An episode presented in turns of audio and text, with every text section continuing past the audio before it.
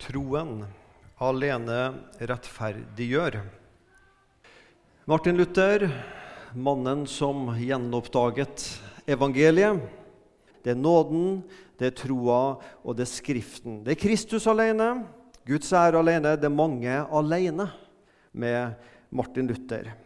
Bare sånn en liten innledning.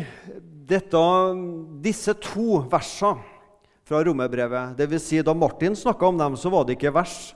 For versinndelinga kom etter 1550 en gang. Så når Martin eh, preika og siterte fra Romerne 1, så sa han eh, en plass midt uti der mot slutten, der finner du disse orda. Så versinndelinga kom senere, mens kapittelinndelinga kom ikke mange hundre år etter Kristus. Men i alle fall, det var en digresjon. Eh, Romerne 1, 16 og 17 denne opplevelsen som Martin Luther hadde i et eh, tårnrom i augustinermunkerborgen der de var, når han leser om evangeliet. For jeg skammer meg ikke over evangeliet, for evangeliet er en Guds kraft til frelse for alle som tror. Jøde først, og så greker. I evangeliet åpenbares Guds rettferdighet av tro og til tro, slik det står skrevet, den rettferdige av tro skal leve så går altså lyset opp for Martin Luther at Guds rettferdighet ikke først og fremst er beskrivelse av Gud som en rettferdig dommer, men det er beskrivelse av den rettferdigheten Gud gir til ugudelige mennesker når Gud dømmer deg og meg å være rettferdig for Han. Ah, det er evangeliet. Istedenfor å frykte en streng, lovisk rettferdig dommer, som nok også er bibelsk, så skal jeg få stole på den Gud som, er, som rettferdiggjør den ugudelige. Det var Martin Luther sin store oppdagelse i veldig kort format. Vi skal lese sammen et litt lengre avsnitt. og I stedet for at dette blir en tale om, sånn sett om Martin Luther sin lære, så skal vi lese sammen fra Romerne 3 en del vers som på en måte understreker noe av det som var viktig for Martin Luther og troen alene. Og Som dere vil legge merke til, så er det to ord her som er understreka mange ganger, og det er ordet tro og rettferdighet. For vi sier troa alene, men troa er ikke alene. Troa står alltid sammen med rettferdigheten. Hva skal tro alene brukes til? Jo, for å rettferdiggjøre oss overfor Gud. Så tro og rettferdighet de henger sammen. Dette er jo da Paulus, Romerne kapittel 3. Vi vet at alt det som loven sier, gjelder dem som har loven. For at hver munn skal tie og hele verden stå skyldig for Gud. Ikke noe menneske blir rettferdig på, for Gud på grunn av gjerninger som loven krever. Ved loven lærer vi synden å kjenne. Men nå er Guds rettferdighet blitt åpenbart uavhengig av loven. Om den vitner loven og profetene. Dette er Guds rettferdighet som gis ved troen på Kristus Jesus, til alle som tror. Her er det ingen forskjell, alle har syndet, og vi har ingen del i Guds herlighet. Men ufortjent av Hans nåde blir de, blir vi, erklært rettferdige på grunn av forløsningen i Kristus Jesus. Ham har Gud stilt synlig fram for at han ved sitt eget blod skulle være et sonoffer for dem som tror. Slik ville Gud vise sin rettferdighet, for tidligere hadde han i sin tålmodighet båret over med de syndene som var begått. Men i vår tid ville han vise sin rettferdighet, både at han selv er rettferdig, og at han erklærer den rettferdige som tror på Jesus. Hvor er så det vi kan rose oss av? All ros er utelukket. Etter hvilken lov? Gjerningens lov? Nei, etter troens lov. For vi mener at mennesket blir rettferdig for Gud ved tro, uten lovgjerninger. Eller er Gud kanskje bare jødenes gud? Er han ikke Gud også for de andre folk? Jo, også for dem, så sant som Gud er én. Og han vil rettferdiggjøre de omskårne pga. tro, og de uomskårne ved deres tro. Altså både jøder og hedninger. Opphever vi så loven ved troen? Nei, på ingen måte. Vi stadfester loven. Vi mener at mennesket blir rettferdiggjort ved tro uten lovgjerninger. Læra om rettferdiggjørelse det er selve høydepunktet i læra om frelsa. I læra om rettferdiggjørelse, som veldig tydelig er utmala for oss i Romerne 3, så ser vi høyden, dybden, lengden og bredden i selve frelsa. Lære om rettferdiggjørelse er ikke først og fremst ei lære, men det er selve kjerna i evangeliet. Vi har ikke rett forstått hvorfor Jesus kom, eller hva som skjedde på korset, hvor alvorlig Gud ser på synda, eller hvor stor frelsa er, før vi har forstått hva det vil si å bli erklært rettferdig ved tro.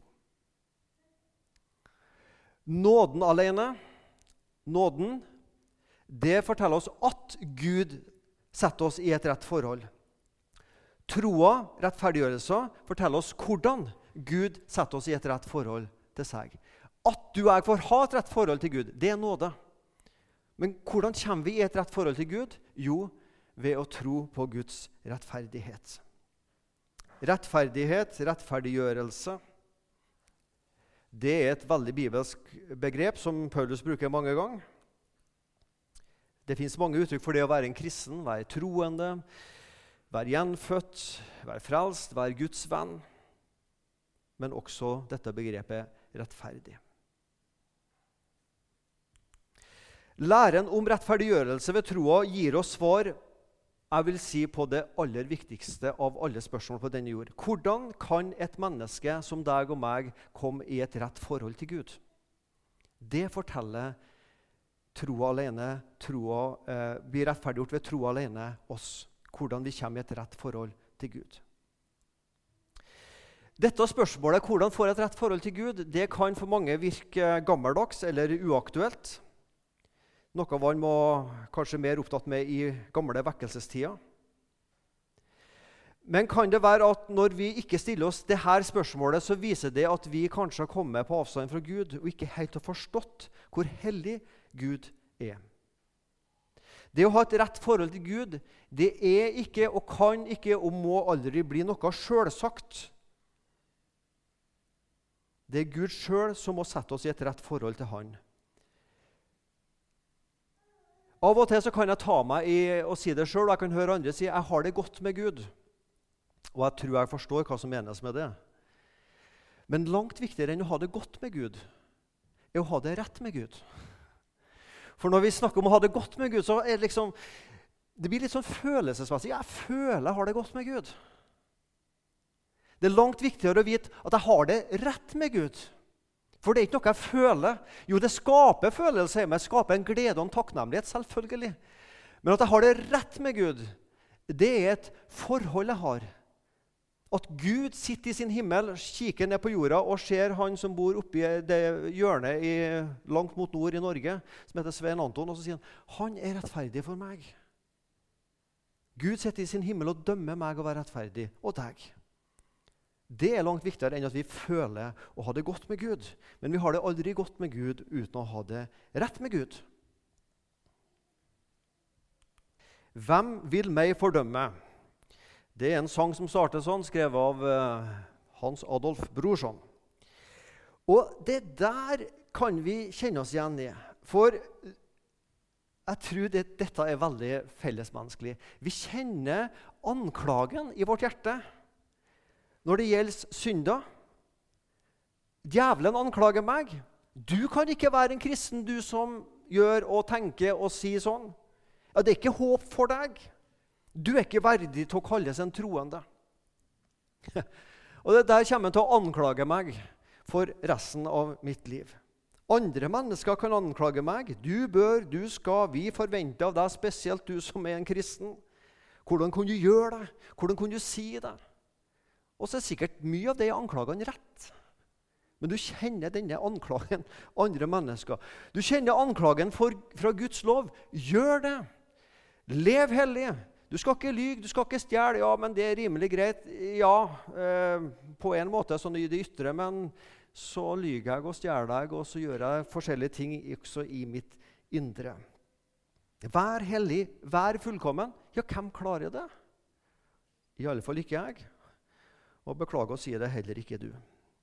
Loven anklager meg med rette. Jeg kjenner meg fordømt i møte med Guds hellige lov. Og mitt eget hjerte fordømmer meg. Hadde jeg bare ikke sagt det som jeg sa for 35 år siden, så skulle jeg vært en mye mer frimodig kristen i dag. Hadde jeg bare ikke er den største børa vi som kristne bærer med oss, den største ryggsekken vi har. Hadde jeg bare ikke. Hvem vil meg anklage? Djevelen? Andre mennesker? Guds lov anklager meg, og jeg anklager meg i mitt eget hjerte. For alle har syndet, og de har ingen del i, eller vi mangler, Guds herlighet. Det er konklusjonen på anklagen. Romerne 3,23. Ingen av oss lever opp til vår standard, og på, i alle fall ikke Guds standard. Ikke en mulighet i havet. Alle har vi synda, og vi står uten ære for Gud, eller vi mangler Guds herlighet. Synden anklager meg at jeg kommer til kort overfor Gud, djevelen, andre mennesker, mitt eget hjerte, Guds lov. Menneskets hovedproblem er ikke først og fremst følelsesmessige, økonomiske, familiære eller kroppslige utfordringer. De kan være tøffe nok, for all del. Men ditt og mitt hovedproblem er ikke følelsesmessig, økonomisk, familiært, kroppslig eller på andre måter. Ditt og mitt hovedproblem som menneske er Guds vrede over synda. Guds vrede kan sende deg og meg til fortapelse. Det er vårt største problem som menneske i utgangspunktet. Alle har vi syndet, og vi mangler del i Guds herlighet. Og så kommer konklusjonen på Eller ikke konklusjonen, men her kommer det gode budskapet i Romerne 3. Men nå er Guds rettferdighet, som loven og profeten vitner om i Det gamle testamentet, blitt åpenbart uavhengig av loven. Det er Guds rettferdighet ved tro på Jesus Kristus til alle og over alle som tror. Den rettferdigheten som jeg prøvde, og du prøvde, det vi kunne, å være så god og snill og slappe av i nåden Men, men litt må jeg da gjøre.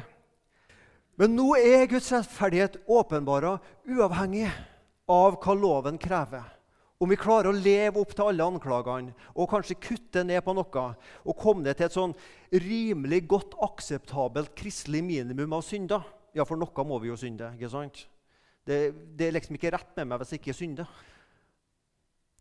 Men nå er Guds rettferdighet åpenbart helt uavhengig av dette. Det er Guds rettferdighet i Kristus Jesus til alle og over alle som tror.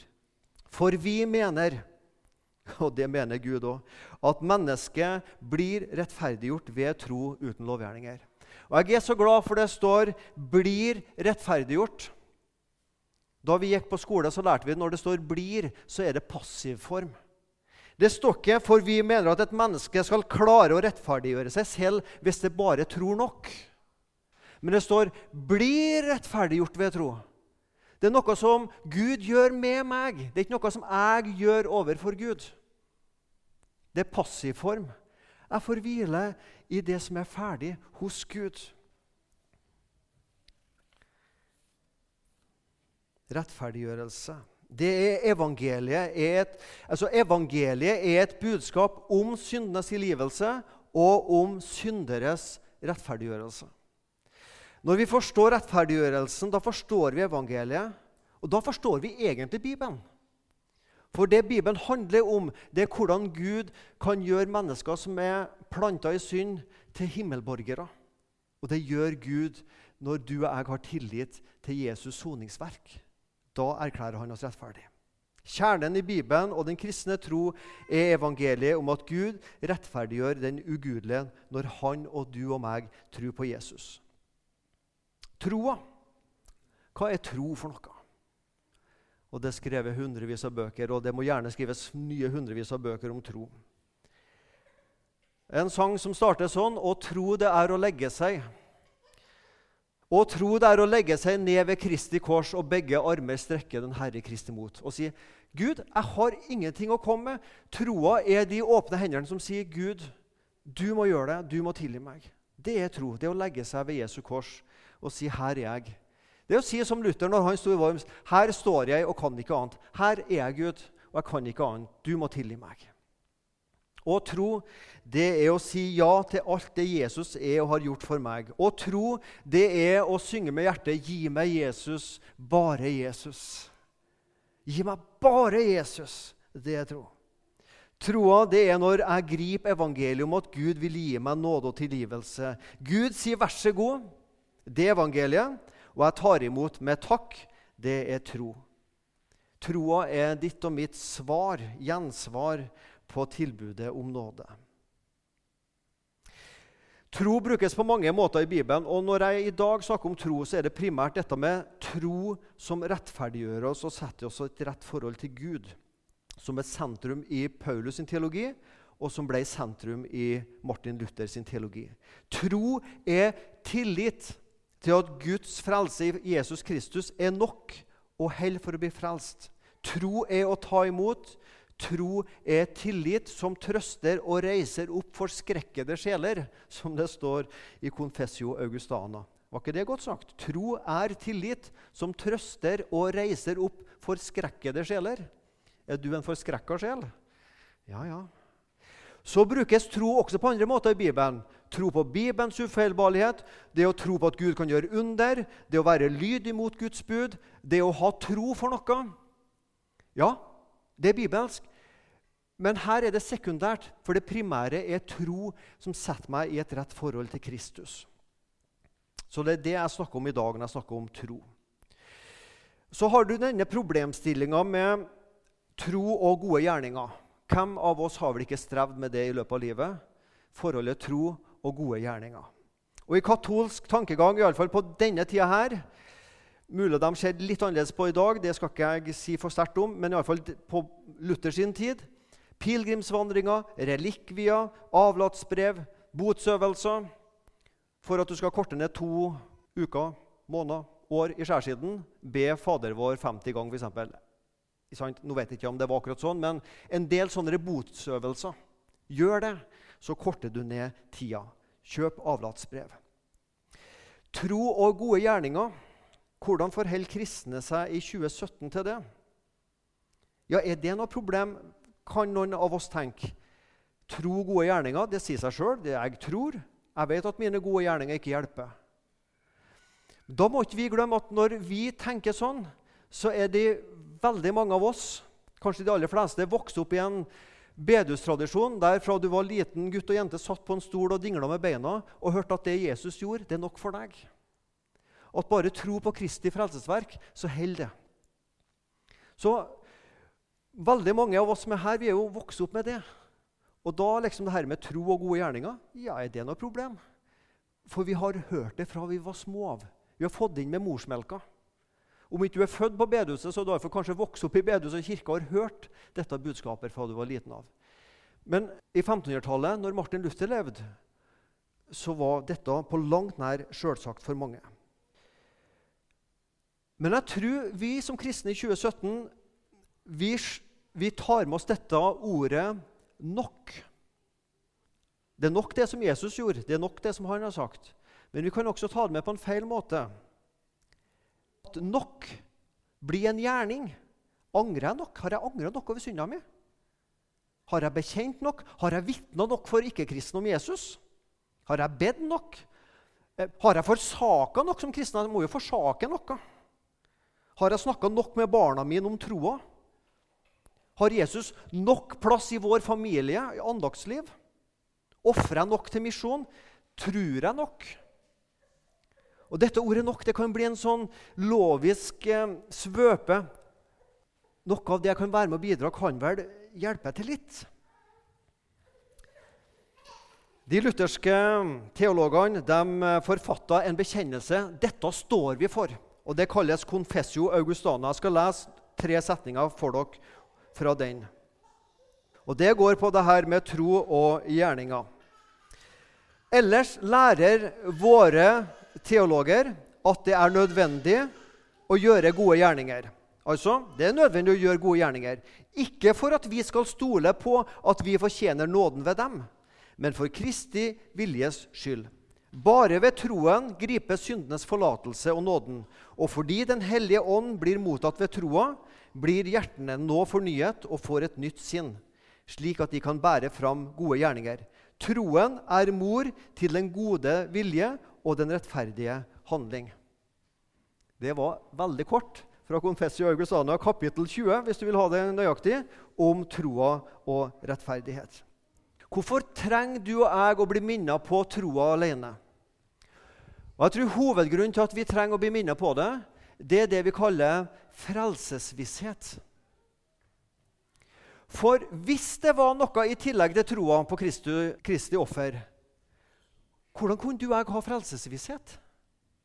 Hvis, det, hvis Kristi offer bare var 99% og så måtte det være noe i tillegg Min forståelse min, Jeg må jo få til å tro på det.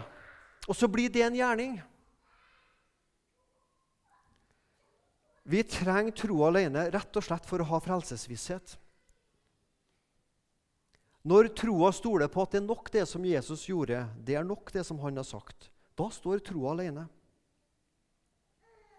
På denne tida var det noe som hette, noe disse teologene kalt for 'forskrekkede sjeler'. Jeg vet ikke om du er en forskrekka sjel, men tenk oss tilbake på denne tida der man ikke kjente til nåden alene og tenkte at er jeg på rett vei?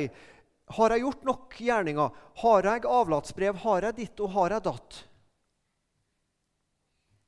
Da er man en forskrekka sjel i samvittigheten. La meg bruke et bilde som er kanskje dårlig på en måte, men har et poeng. Du er ute og kjører bil. Du har kjørt bil i mange år. Er dere veldig nervøse når dere er ute og kjører bil? Sitter dere med hjertet i halsen? Ikke når kona eller mannen din kjører, men når du kjører? Nei, vi gjør ikke det. Eh, mitt problem når jeg kjører, er ikke at jeg er veldig forskrekka, men at jeg kan bli sløv. Men jeg har opplevd, jeg har opplevd det i hvert fall to ganger sovna bak rattet. Og heldigvis var kona mi våken begge gangene. Og hun, vet du, hun, hva, hva, gjør du? Da våkner jeg. Og da var jeg våken, skal jeg si dere. Og da hamra hjertet. Da var det ei forskrekka sjel. Hva vil jeg med det jeg sier nå? Vi som har hørt om troen og nåden alene hele vårt liv, vi vet veien til himmelen og til Jesus og til Gud. Det er Kristi nåde alene. Og det kan vi hvile i. Men så kan vi bli sløv i det.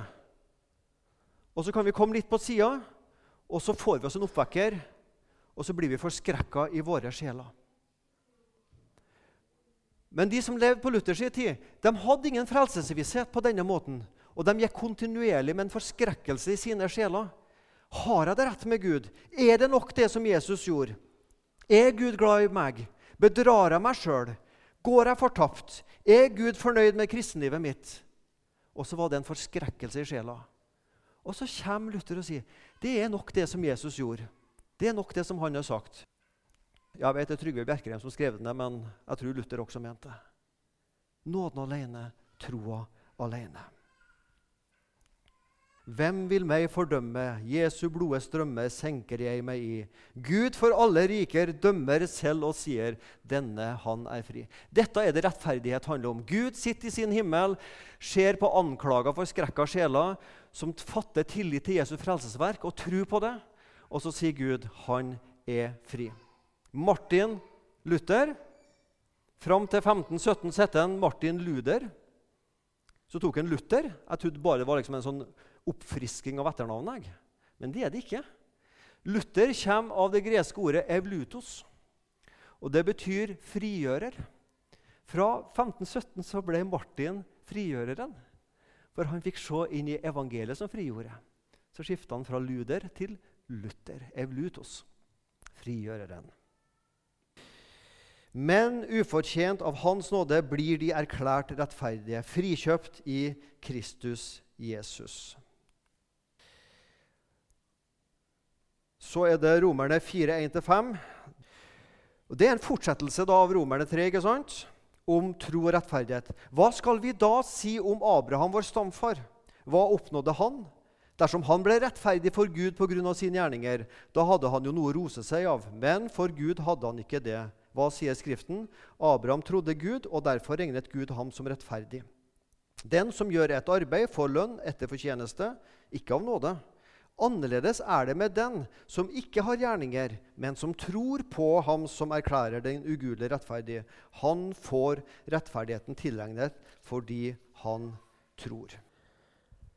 Hvordan står det til i moder Norge med troen på at vi blir erklært rettferdige ved tro alene uten gjerninger? En som heter Petter Olsen, som er redaktør i Indremisjonsforbundet, han skrev en artikkel i Vårt Land en dag om um, dette med rettferdiggjørelse ved tro alene. Jeg skal ta med bitte litt av det helt mot slutten. 560 millioner protestanter finnes det i verden i dag. Som da på en måte har med seg dette med Skriften alene og Kristus alene, nåden alene, troen alene og Guds ære alene. Så er det gjort en undersøkelse, forskningsundersøkelse ved et amerikansk studiesenter som har telefonintervjua 25 000 mennesker. Så jeg regner med da har du et rimelig bra anslag for det du uttaler deg om. I 15 forskjellige land. 58 av europeiske protestanter svarer at protestantistisk og katolsk tro er mer lik enn ulik. Så De fleste protestanter i dag tror at katolsk tro og luthersk tro er mer lik enn ulik. Om det stemmer, det skal ikke jeg bruke tid på i dag. 47% av de europeiske protestantene mener at både, tro og gjerninger er nødvendig for å komme til himmelen.